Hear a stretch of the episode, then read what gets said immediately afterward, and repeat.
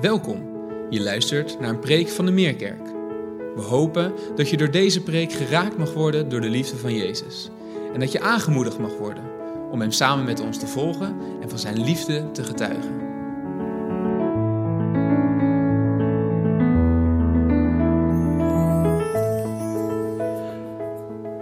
Wichele heeft in ieder geval duidelijk gemaakt dat ik reden heb om een beetje meer betrokken en meer geëmotioneerd dan normaal hier te staan. Dus dat helpt. Het is een tijd geleden dat ik hier geweest ben en dat ik jullie gezien heb. En alle anderen die meekijken en die ik nu niet zie ook. Wat goed om weer bij elkaar te zijn. Belangrijk woord in deze tijd is verbinding geworden, omdat je merkt dat door alle wonderlijke toestanden met corona juist verbinden moeilijker wordt en daarmee ook belangrijker. En toen ik zat te denken over waarom ik hier nou zo graag naartoe wilde, want ik heb hier natuurlijk ook naartoe geleefd, toen dacht ik aan die verbinding. Af en toe komt dat om de hoek. Dan komt er een mailtje van een van jullie om te zeggen: uh, Hallo, hoe is het? Of uh, ik heb gehoord dat het goed gaat. Of vanmorgen nog een mailtje van iemand die zei: Ik was er graag bij geweest, maar ik had me niet op tijd opgegeven, dus ik zie de livestream wel. Dat doet ontzettend goed. Om te merken dat er mensen zijn die met je meeleven en daar gaat het voor een deel ook over. Ik wil proberen te vertellen wat we gaan doen en dan wil ik het doen. En dan zijn we klaar. Dus dat zijn drie punten. Dat is bijna, bijna een gereformeerde preek. Ik begin met een verhaal en een stukje uitleg van dat verhaal. Tweede is een Bijbelgedeelte met een uitleg met toepassing. En dan een persoonlijk getuigenis. En ook even een reflectie daarop. Dus alles bij elkaar is best veel, maar jullie zitten makkelijk, dus het gaat lukken. Ik heb mijzelf vaak gevoeld aan het begin van mijn weg met God als een kind met een koffer. Een koffer die heel groot was en die je misschien zou kunnen slepen als je sterk was, maar er zat geen handvat aan. En ik kon er ook niets uithalen of bij doen, want ik had geen sleutel. En die sleutel zonder koffer en zonder handvat, die staat bij mij voor de erfenis die ik mee had genomen uit het gezin waar ik ben opgegroeid en uit de gemeente waar ik ben groot geworden er zat een heleboel in. Ik kon er niet bij. Ik uh, verlangde daar af en toe wel naar. Als ik zong of als ik een mooie preek hoorde of als ik zag dat iemand goed bezig was met God. Ik wist niet hoe. Dus dat gaat over de vraag: wat krijg je mee? Hoe kom je erbij? En wie leert je om dat te gebruiken? En het volgende is dan zes vrienden op een zolderkamer bij de bakker van de Steenhoven aan de Begijnhof. Daar zaten we, allemaal leeftijdsgenoten van een jaar of zestien. Ik uh, weet niet eens meer precies hoe ze aan me kwamen, maar ik was er ineens bij. En we zaten te praten over de Bijbel. En toen gingen ze bidden. En ik dacht, oh help, straks komen ze bij mij en dan moet ik... Oh, ik had nog nooit hardop gebeden. Nog nooit heel echt, systematisch, wat dan ook, gebeden. Maar daar begon het. Samen praten, samen bidden, samen Bijbel lezen, samen lol maken, ontzettend veel lol gemaakt. En samen getuigen. Dus we maakten plannetjes om op school iets te gaan doen, om mensen over Jezus te vertellen. En de eerste keer lukte dat wonderbaarlijk. We hadden een christelijke film gehuurd. En de aula van 600, 576 mensen, die zat helemaal tot op het balkon vol. Wat een pret. En de afloop natuurlijk, want dan ben je plotseling een van de mensen van die filmavond. Waren er heel veel medeleerlingen die wel eens wilden weten hoe dat nou zat en waarom je dat doet en wat je dan gelooft en wat je daaraan hebt. Zo heeft iedere tekst zijn context nodig. Hij kan niet in de koffer blijven zitten, want dan doet hij niks. Hij moet eruit, Hij moet op tafel tussen zes jonge mensen die er samen over praten en bidden en mee aan de slag gaan. Zo ging het. Als je een tekst bekijkt, dan vraag je je af wat gebeurt er? Wie zegt het? Wie schrijft het op? Voor wie is het bestemd? En een toepassingsvraag, wat kan ik ermee? Inleven, indenken, inbeelden, kaders scheppen. Zodat het niet zomaar ergens door je leven heen zweeft, maar ankerpunten krijgt. Zodat je een handelingsperspectief hebt, zoals ze dat tegenwoordig zo mooi zeggen. Dat je weet wat je moet doen op weg naar een doel. De tekst waar ik dat vandaag mee zou willen doen en de context. De tekst is 1 Korinthe 6. Ik denk dat hier een heleboel mensen zijn, lid van deze gemeente, die gedoopt zijn. Ik ben ook gedoopt. Op beleidenis. En de tekst die ik meekreeg, dat is de tekst die ik vandaag wil lezen. Staat in een wat rommelig verband. Paulus is bezig om de gemeente behoorlijk op zijn kop te geven. En daartussenin zitten een paar goudklompjes waar ik het over wil hebben.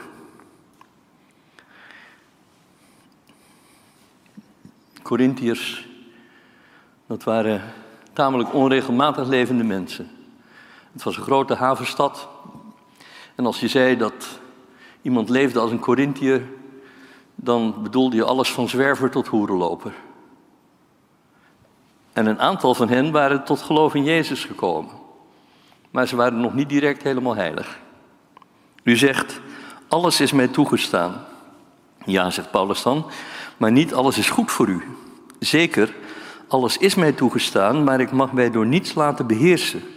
U zegt, het voedsel is er voor de buik en de buik is er voor de, het voedsel. En God zal aan beide een einde maken. Maar bedenk dat het lichaam er niet is om ontucht mee te plegen. Het is er voor de Heer. En de Heer is er voor het lichaam. God heeft de Heer opgewekt en door zijn macht zal hij ook ons opwekken.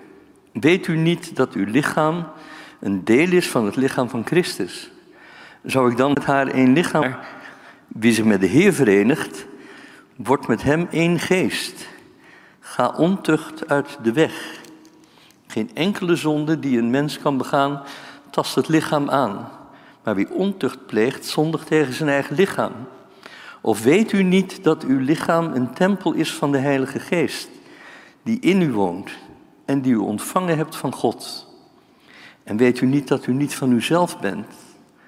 U bent gekocht en betaald, dus bewijs God eer met uw lichaam. Ik zei het al, het is mijn doopstekst. En dan die laatste twee versen met name. Weet u niet dat uw lichaam een tempel is van de Heilige Geest, die in u woont en die u ontvangen hebt?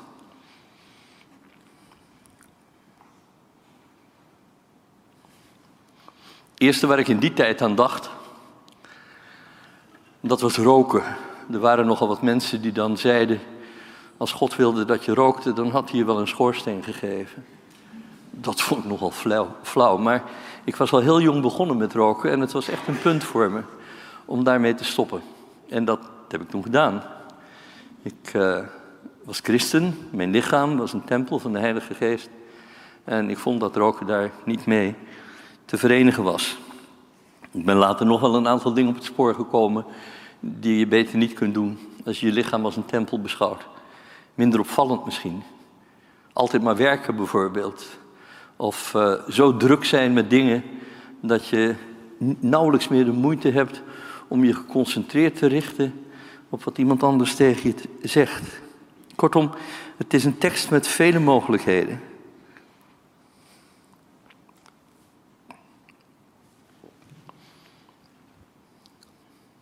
Mijn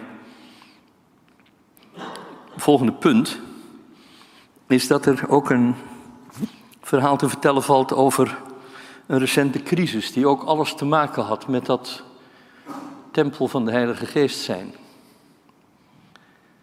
Een uh,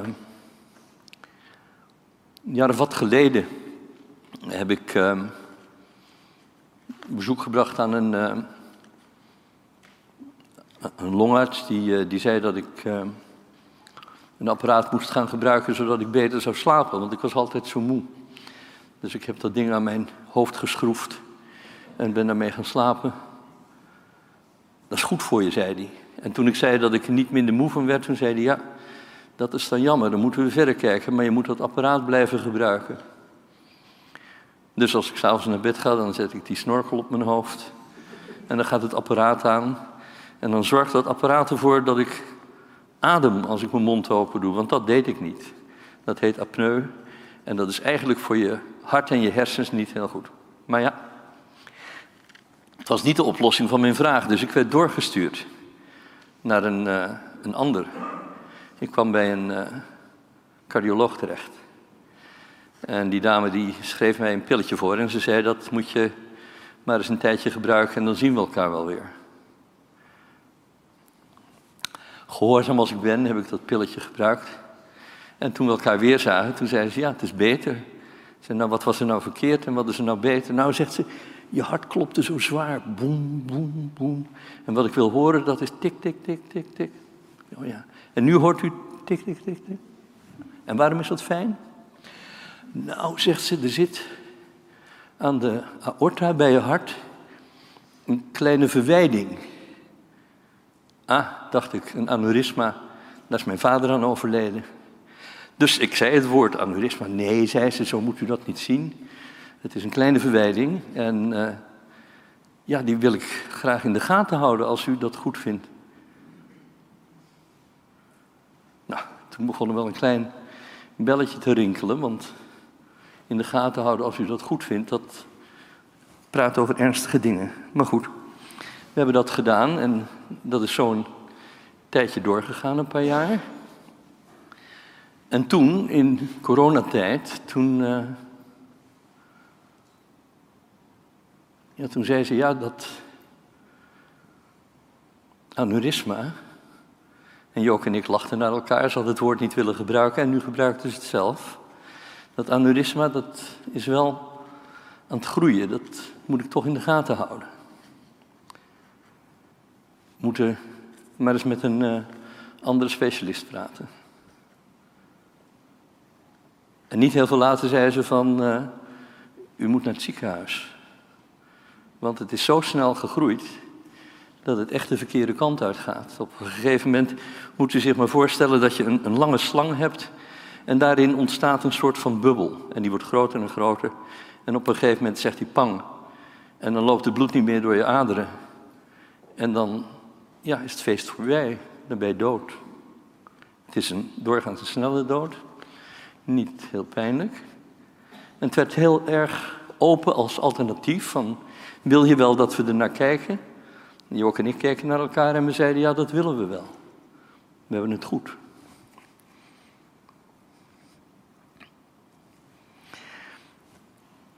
Toen ging ik dus naar een academisch ziekenhuis. En daar was een cardioloog en die legde uit wat ze dan precies zouden gaan doen. Ik zal jullie de details besparen, maar het was heel wat. Hij zei, je hebt ook harttransplantaties. Dat is een zwaardere operatie, maar tussen dat en dit zit niks meer. Ik moet een hele dag aan je werken, een uur of tien, twaalf. We gaan je bloed leegmaken.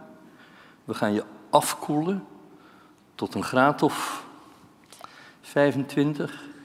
En als je dan koud bent en het bloed niet meer stroomt, dan is een machine die neemt dat over, zodat er wel bloed naar je hersenen blijft gaan, want anders ga je dood natuurlijk.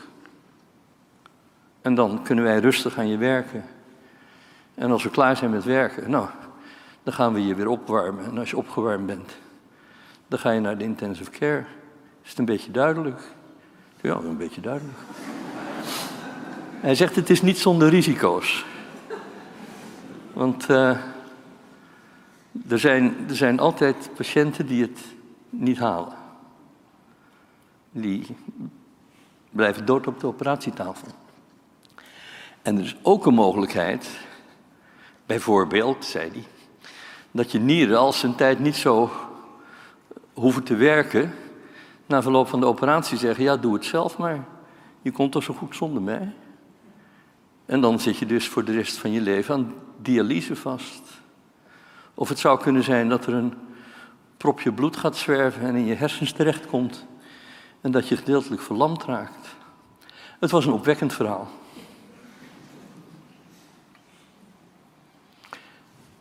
Aan het einde zei hij, we staan vrij tegenover elkaar. U kunt het doen, u kunt het laten. Wat wilt u? Als u het doet, dan wil ik proberen om u nog in te plannen voor de volgende coronagolf. En als u het niet doet, even goede vrienden. Maar dan bent u met een jaar dood. Daar hebben we niet heel lang over nagedacht. Ik ben op de lijst gezet en ik ben versneld daar in het ziekenhuis binnengeloodst. En ze zijn met me aan het werk gegaan. Maar in die tussentijd was er natuurlijk een wonderlijke situatie. Want er was een reële kans dat ik wel geopereerd zou worden, maar dat ik niet terug zou komen. Wat doe je dan? Nou, om te beginnen uh, heb ik gepraat met uh, de mensen in mijn kerk. Die dan de afscheidsdienst zouden doen. En gezegd van jongens, ik uh, moet jullie wat bijpraten wat er speelt. En we moeten eens kijken hoe we dat doen. Dus die zijn geweest. Nienke Dijkstra en mijn eigen werkpredikant. En we zaten daar, we hebben in alle rust en in alle ernst hebben we gekeken naar liederen en naar bijbelgedeelten. En ook naar de manier waarop ik erin zat. En ik heb gezegd, ik heb niets te verliezen. Ik heb een goed leven gehad. En uh, alle reden om dankbaar te zijn. Maar wel het verlangen om nog door te gaan. We hebben ook gezegd, ik had van een kamerbewoner een mooie fles eh, champagne gekregen. Die heb ik op tafel gezet en gezegd, als we elkaar de volgende keer zien en ik leef nog, drinken we hem op. Hadden ze ook een motivatie om te bidden dat ik zou blijven leven. Zo ging dat. Uh, dominee Reinders, mijn wijkpredikant, is uh, voorzitter van de charismatische vernieuwing. En toen ik hem vroeg wat hij hiermee zou kunnen in de wijkgemeente, toen, toen zei hij, nou, we zouden het zo kunnen doen dat jij op zondagmorgen uh, met Joka naar voren komt en dat we jullie zalven, zoals dat in de Bijbel staat, en voor je bidden. En dan vieren we samen avondmaal. Dat leek ons prachtig. Het idee van verbondenheid met de gemeente. Het idee van de verbondenheid tussen Joke en mij.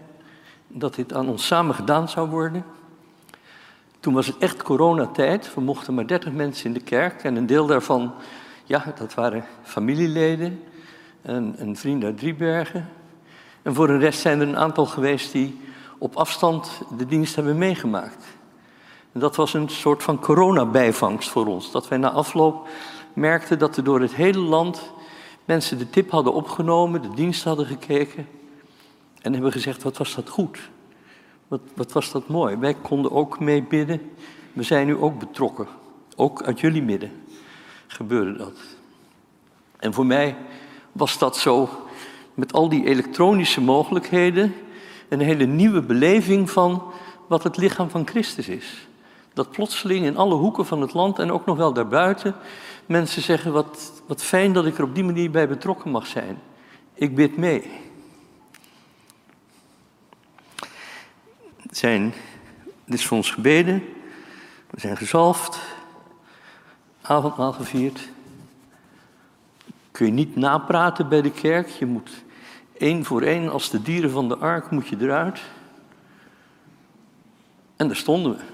En toen hebben we gezegd, nou kom maar mee naar ons huis, want ons huis zit aan een soort van grasveld. En op dat grasveld hadden we een paar staattafels neergezet en een paar kannen met koffie. We konden elkaar toch nog even zien, even praten. En uh, dat was het.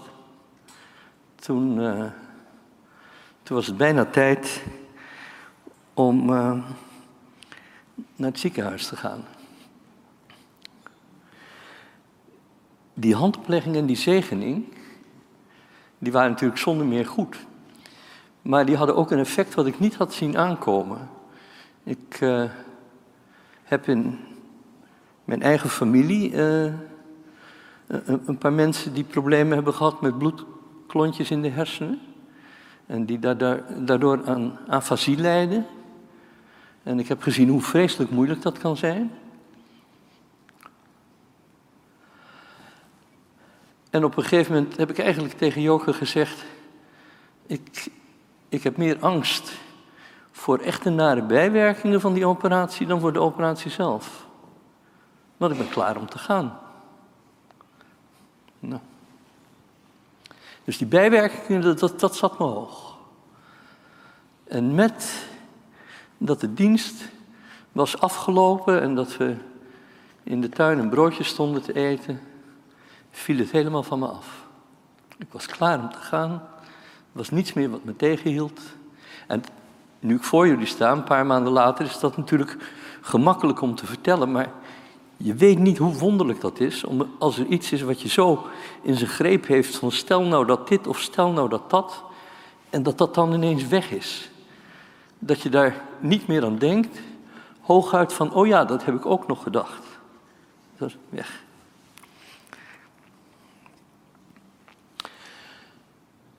De nacht voor de operatie. Ik had al begrepen dat de cardioloog, een jonge man, mij zou komen halen.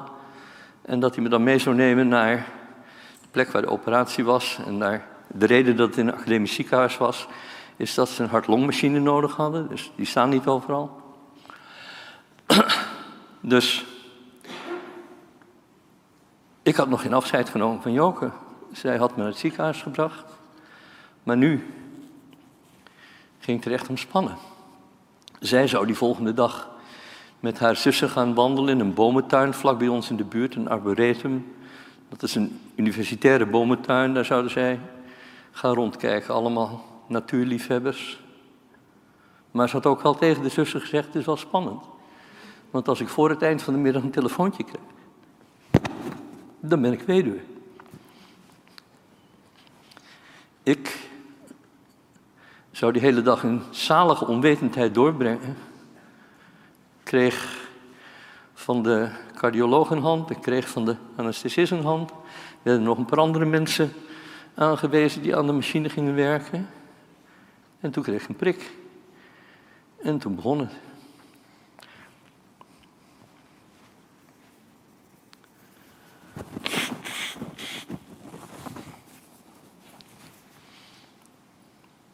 Het is heel raar om dan wakker te worden. Uurtje of acht, negen later. Helemaal suf. En naast een hele batterij met knipperende apparaatjes. Waar allemaal snoertjes en slangetjes aan zaten. Die bij nader onderzoek ook aan mij vast bleken te zitten. En als ze mijn bed bewogen, dan moest die hele batterij snoertjes en slangetjes, die moest mee. Dat was het. Ik was weer bij. En heel langzaam dat gaat heel langzaam. Als je een lange narcose hebt gehad, dan duurt het heel lang voordat je weer een klein beetje bij de wereld bent. Dus het duurde even voordat ik dacht, goh, ik ben er nog. En ik weet ook nog, als ik terugkijk, dat ik daar eigenlijk niks van vond. Ik, ik was niet opgewonden of opgetogen of, of blij. Ik was er gewoon. Achteraf heb ik dat heel raar gevonden, eigenlijk ook wel een beetje ondankbaar. Hadden zoveel mensen zo hard gewerkt. En nu was het dan ogenschijnlijk gelukt. En ik zat zeker niet te springen in mijn bed. Dat mocht ook niet met al die slangen en snoeren. Als ik me maar even bewoog, dan stond er alweer een zuster aan mijn bed. Wat kan ik voor u doen? Nou, zo ging dat.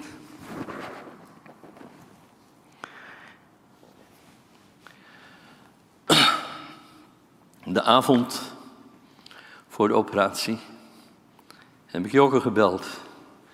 We hebben nog even teruggekeken naar alles wat we gekregen hebben. Wat niemand ons kan afnemen. En toen heeft zij mij Psalm 90 voorgelezen. De psalm van het oude jaar. Waarin teruggeblikt wordt op alle goedheid van de Heer. Alle dingen die ons niet kunnen worden afgenomen. En ik heb later gedacht, hoe toepasselijk was dat? De oudejaarspsalm. Want toen ik uit mijn kokon begon te komen van draden en slangen, had ik niet het gevoel dat ik weer de oude was, maar dat er een hele nieuwe toestand was. Een, een lege lei bijna. En dus ook de vraag van, wat wordt het nu? Wat ga ik nu doen? Ik ben 75, ik heb een mooi leven gehad.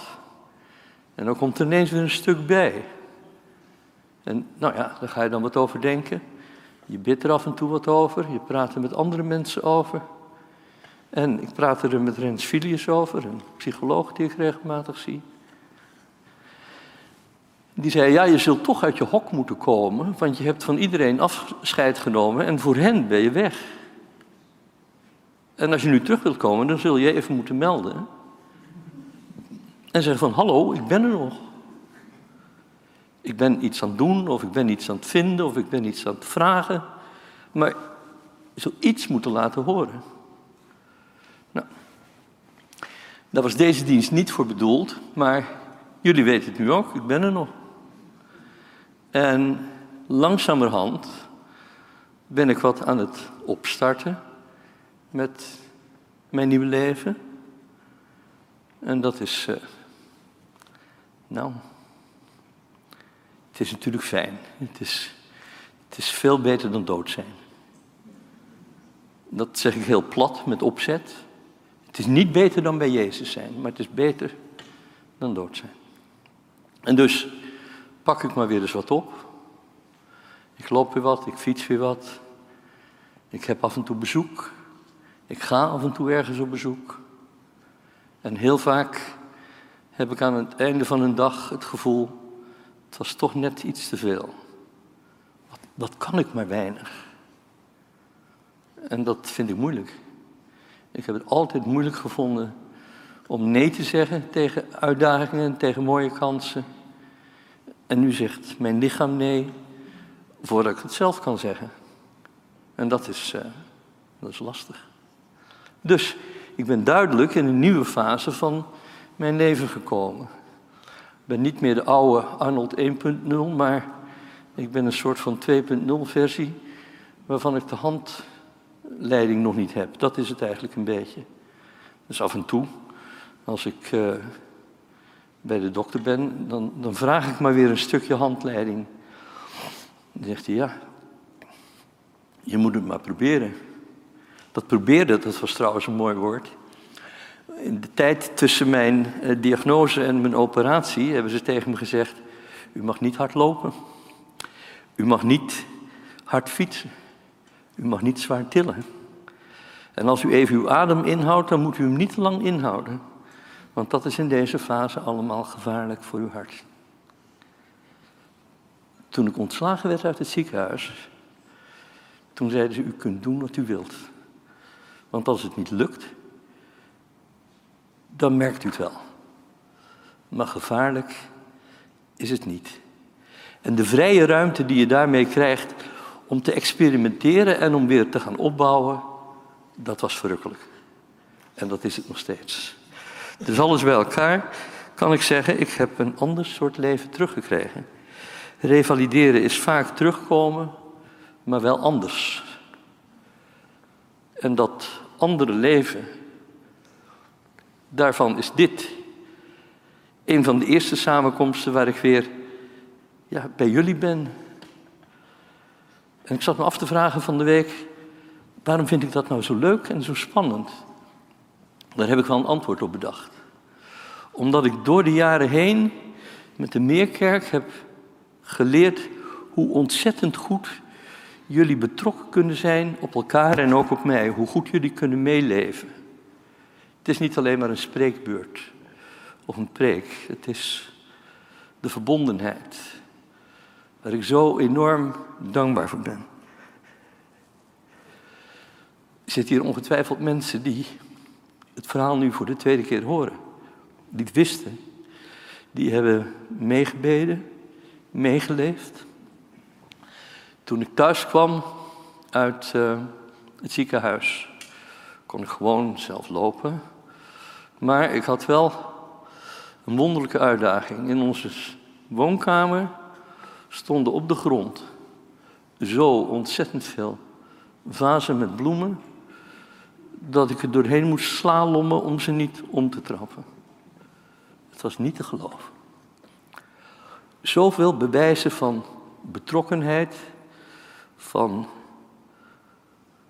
gelukwens. Fantastisch. Ik was zo dankbaar.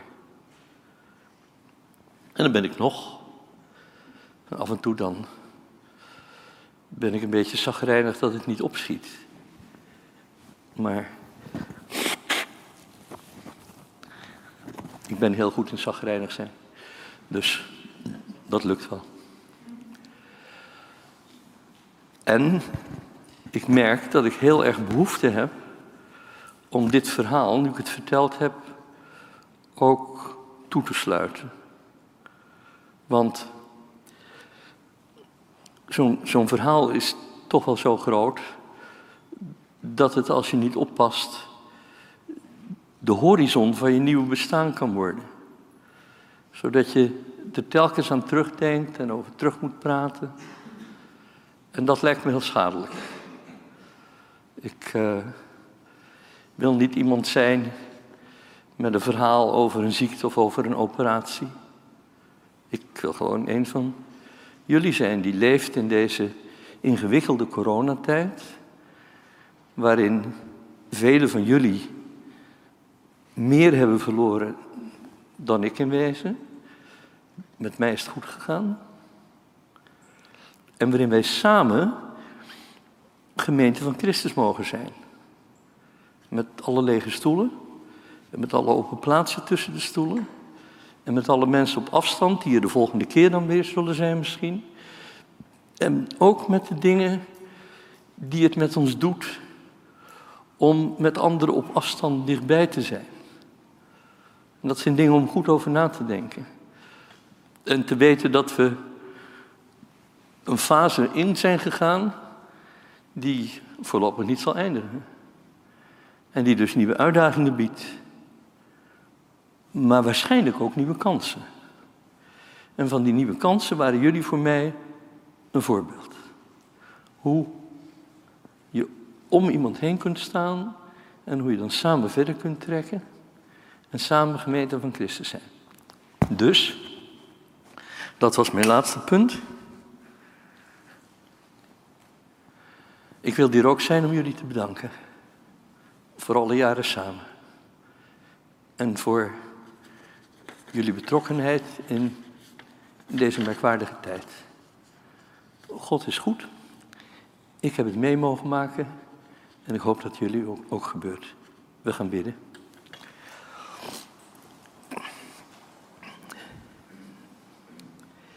Heer, wij danken u, ik dank u uit de grond van mijn hart, dat u me nabij bent geweest ik dank u ook dat ik dat vandaag heb mogen vertellen aan de gemeente.